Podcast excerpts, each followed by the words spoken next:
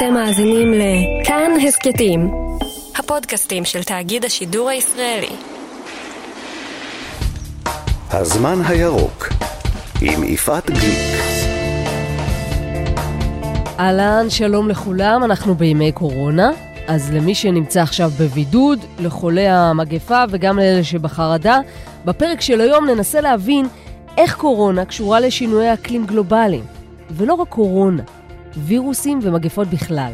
מתברר שלסביבה יש השפעה עליהם, ועוד איזו השפעה.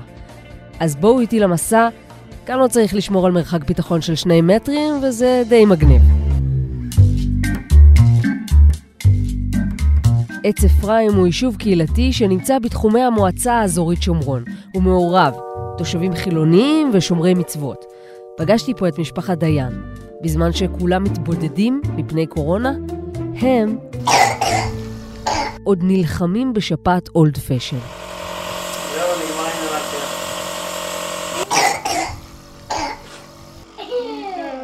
זאת הילדה המשתעלת?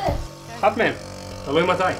אז אני מעיין, אימא של הלל, אריאל, מרום וכרמי. לא, אל תטפס על השולחן, מאמי, תרד, תרד, תרד.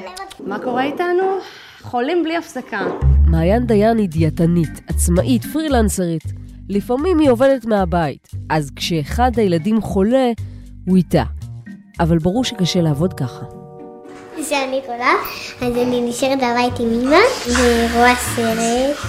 אז מי פתח את ה... אז התחלנו עם מרום, ומרום את מי הוא הדביק?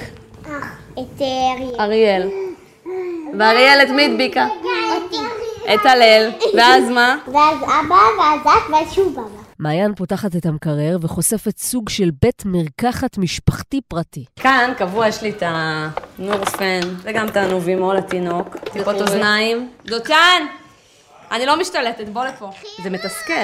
כאילו, זה מתסכל שהם כולם חולים ביחד, זה מתסכל שאני צריכה להפסיד ימי עבודה, זה מתסכל שכשאני חולה, אז uh, בעלי צריך להפסיד ימי עבודה.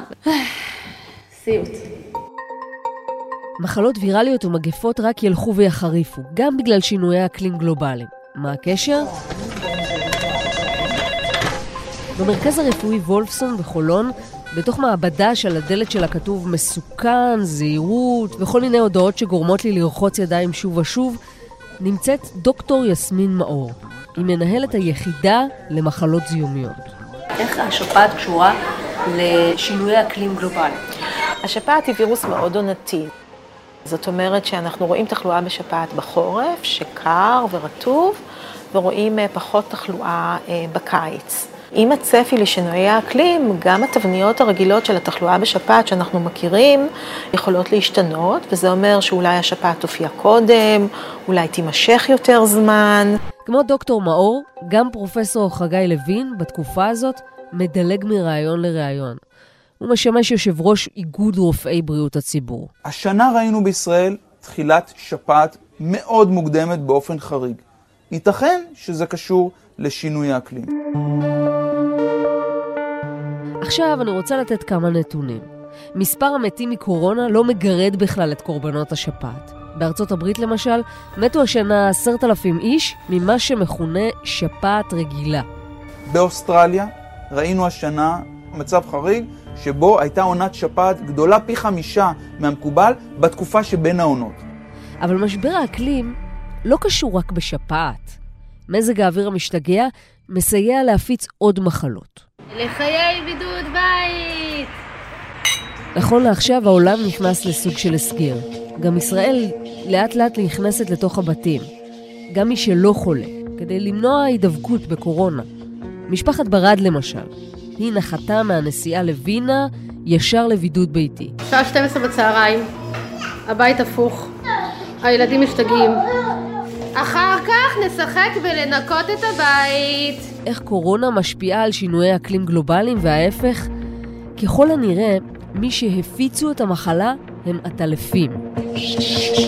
הטלפים הם בכותרות גם בקורונה, אבל הטלפים הם נשאים של הרבה מאוד מחלות זיהומיות, ויש הרבה תמותה של הטלפים, ויש למשל אנשים שמפנים את הגוויות הללו, הם יכולים להיחשף לנגיפים הללו. בני אדם ושינוי האקלים הורסים את בתי הגידול הטבעיים של בעלי חיים, כמו העטלפים. התוצאה היא נדידה לכיוון בעלי החיים ההולכים על שתיים. אגב כך, הם גם מדביקים אותנו. אז אנחנו חודשיים אחרי תחילת המגפה של קורונה, ואנחנו רואים שכבר 80 מדינות נגועות בעולם ובעצם בכל היבשות. השילוב הזה של אורבניזציה, אנשים גרים ביחד, זה כבר לא התבזורת שאנשים גרים רחוק אחד מהשני. יחד עם הנסיעות הגדולות בעולם ועם התחממות כדור הארץ, כל אלה הם ללא ספק מנוע גדול מאוד להתפר... להתחלת מחלות ולהתפרצות מחלות. השאלה הגדולה, האם אנחנו יכולים לבודד את עצמנו? אני חושב שהתשובה היא לא. אנחנו מחוברים אחד לשני. אנחנו בשלב שהמגפות ילכו ויתפשטו וההיקף שלהם יהיה יותר ויותר גדול. איפה היית בעולם? וואו, איפה לא? זאת סימונה. היא רווקה, גרה בתל אביב, הייתה עד לפני חודשיים דיילת באל על. בת 25, גרה בתל אביב כבר שלוש שנים. זה הלונג ביי, אחד מהמקומות הכי יפים שיש. איזה נוף. כן. לקחנו טיסה לתאילנד. לאן שכולם הולכים, לקופיפי, להשתזף ולהיות חסר הדאגות אה, מתחת לשמש. היינו בדיוק אחרי מסיבה, הלכתי לישון ממש ממש מאוחר, קמתי בבוקר, וככה הרגשתי לא טוב. אה, חשבתי שזה כאילו, ישנתי מספיק זמן, הלכתי כזה לשמש, שכבתי שם ב... על החול, ופתאום אה, נהיה לי נורא נורא נורא קר. סימונה לקטה בקדחת הדנגי, אחת משורה של מחלות זיהומיות שנחשבו פעם אויב רדום. זה היה לילה ממש קשה, הייתי עם חברה ואמרתי לה שאני מרגישה שאני הולכת למות ו... והכל בגלל יתוש הנמר האסייתי. אמרו לי יתוש, ולא לא כל כך הבנתי למה אני מרגישה ככה בגלל יתוש. שהיה בעבר במזרח הרחוק, אבל אתם כבר יכולים לפגוש אותו גם בחלקים אחרים בעולם. למה?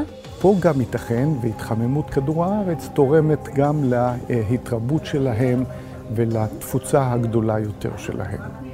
זה כולל גם את הזיקה, לדוגמה. שמה? שזה גם מחלה שמועברת על ידי יתושים. ראינו לפני שנה, שנתיים, התפרצות גדולה של המחלה הזאת בדרום אמריקה, בעיקר בברזיל. וזאת לא רק התפוצה המתרבה של הווירוסים.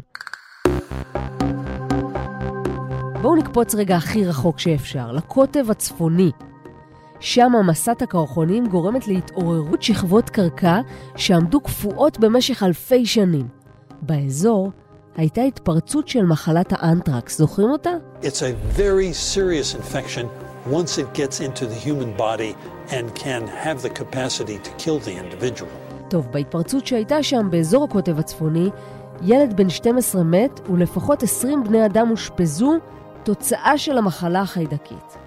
אחת התיאוריות להתפרצות הייתה גבייה של בעל חיים נגוע, שהפשירה ושחררה את חיידקי האנטרקס למים ולקרקע שבקרבתו.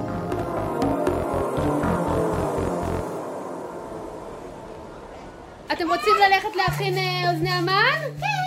יאללה, בואו נלך להכין משלוחי מנות. משפחת ברד מסיימת אוטוטו את התקופה בבידוד ותוכל ללכת לקניות בסופר, אם היא תצלח את התורים הבלתי נגמרים בלי לחטוף קורונה. בינתיים בפורים הם חבשו כובעים מצחיקים ואילתרו רעשנים, הכל כדי לא להרוס את רוח החג. בואו, תראי לנו את ילד חתול. ילד חתול! ומי אסטרונאוט? בשורה התחתונה, אנחנו צפויים למגפות נוספות. כלומר, קורונה זאת לא, המגפ... לא המילה האחרונה שנאמרה. המגפה העכשווית קורונה שיתקה אמנם את המסחר, אבל תורמת רבות להאטת ההתחממות הגלובלית. למשל סין, המדינה שפולטת כמעט 13 מיליון טון בשנה. ממצאים ראשונים מראים שבחודש האחרון למשל, היא בירידה של 25% בפליטות בהשוואה לתקופה מקבילה בשנה שעברה. השאלה היא, מה ניקח איתנו ביום שאחרי הקורונה? האם האנושות תדע לטוס פחות, לצמצם את השימוש ברכב, לעבוד יותר מהבית, או שהזיהום ישוב למסלולו עד המגפה הבאה.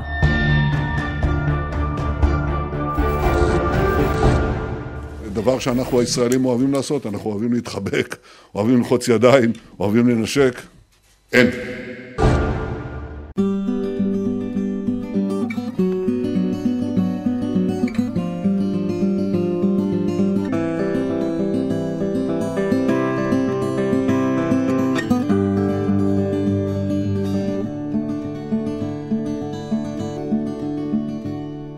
זהו, עוד פרק של הזמן הירוק תם, תודה לטכנאית קרן בר ולתומר ברנד הדיגיטלי, וגם לעורכי הוידאו ירדן כרמין ופלג נתנאל, ולתחקירנית שני שיק.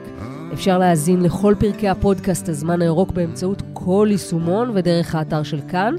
הזמן הירוק גם בטלוויזיה, מדי יום שני בחדשות הערב עם דוריה למפל. שמרו על הסביבה, אין לנו אחרת.